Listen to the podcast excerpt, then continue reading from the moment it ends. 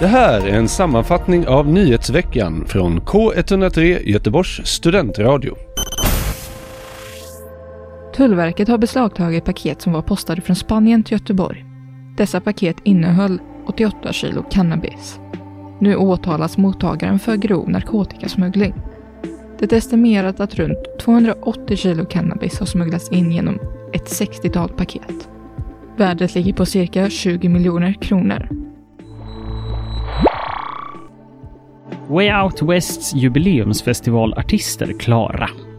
Den 4 juni blir två festivaler en när Way Out West gästar Göteborgs jubileumsfestival med First Aid Kit, Amazon, Alex G, Parnum och David. Artisterna kommer att spela i Frihamnen och evenemanget kommer att vara helt gratis som en del av Göteborgs 400-årsfirande. Vi är fantastiskt glada över det här samarbetet, skriver Christian Ferrera, projektledare på Göteborg Company i ett pressmeddelande. Besökarna får uppleva ett Way Out West med fri entré och utan åldersgräns, fortsätter han. Göteborgs jubileumsfestival äger rum mellan den 2 och 5 juni i Frihamnen och är en del av 400-årsfirandet som i sin tur håller på ända fram till den 3 september i år.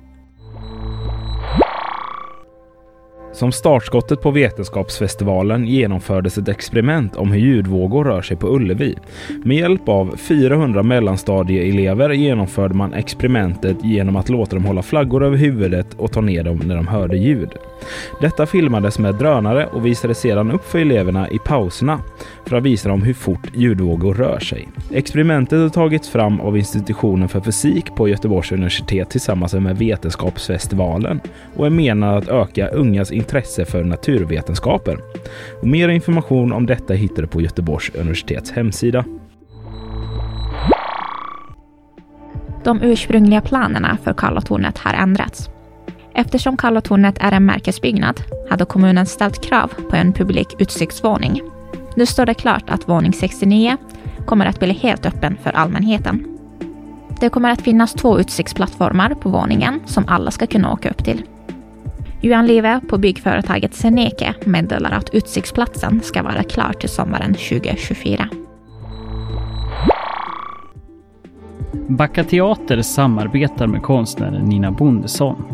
I ett pressmeddelande så avslöjar Backa Teater att de kommer samarbeta med konstnären Nina Bondesson inför kommande spelår. Den Göteborgsbaserade konstnären har sedan debuten 1989 ställt ut sina verk inte bara i Sverige utan även internationellt. Konstnären uttrycker sig i allt från broderi, tryckta bilder till målade möbler. Backa Teater har som tradition att samarbeta med en illustratör inför varje spelår. Bondesson ska skapa fyra individuella verk, ett för varje produktion. Med premiär på första verket 18 april då Backa Teaters spelår offentliggörs. Nu har du chansen att ge en födelsedagspresent till Göteborg. Under större delen av sommaren i år kommer göteborgarna ha chansen att få fira deras stads försenade fyraårsjubileum. Ett firande som till följd av pandemin sköts fram två år. Nu bjuds det även in till att låta medborgarna själva få ge sin present till födelsedagsbarnet. Fredagen den 28 april mellan klockan 9 och 10 på morgonen kan vem som helst komma och lämna över sin gåva i börsen på Gustav Adolfs torg. Föreningen Lapphäxorna är några av flera som bidragit med sin gåva redan. Ett lapptäcke bestående av bilder i textil där var och en av de 26 medlemmarna får tolka en plats i staden.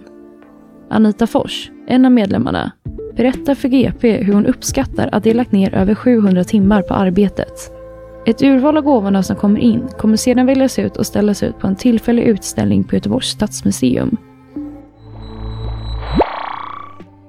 De två första fallen av fusk via ChatGPT på Göteborgs universitet har skett. Det var två studenter från lärarprogrammet. Dessa misstankar grundar sig för att citaten i tentorna inte var riktiga samt orimliga ordval framkom.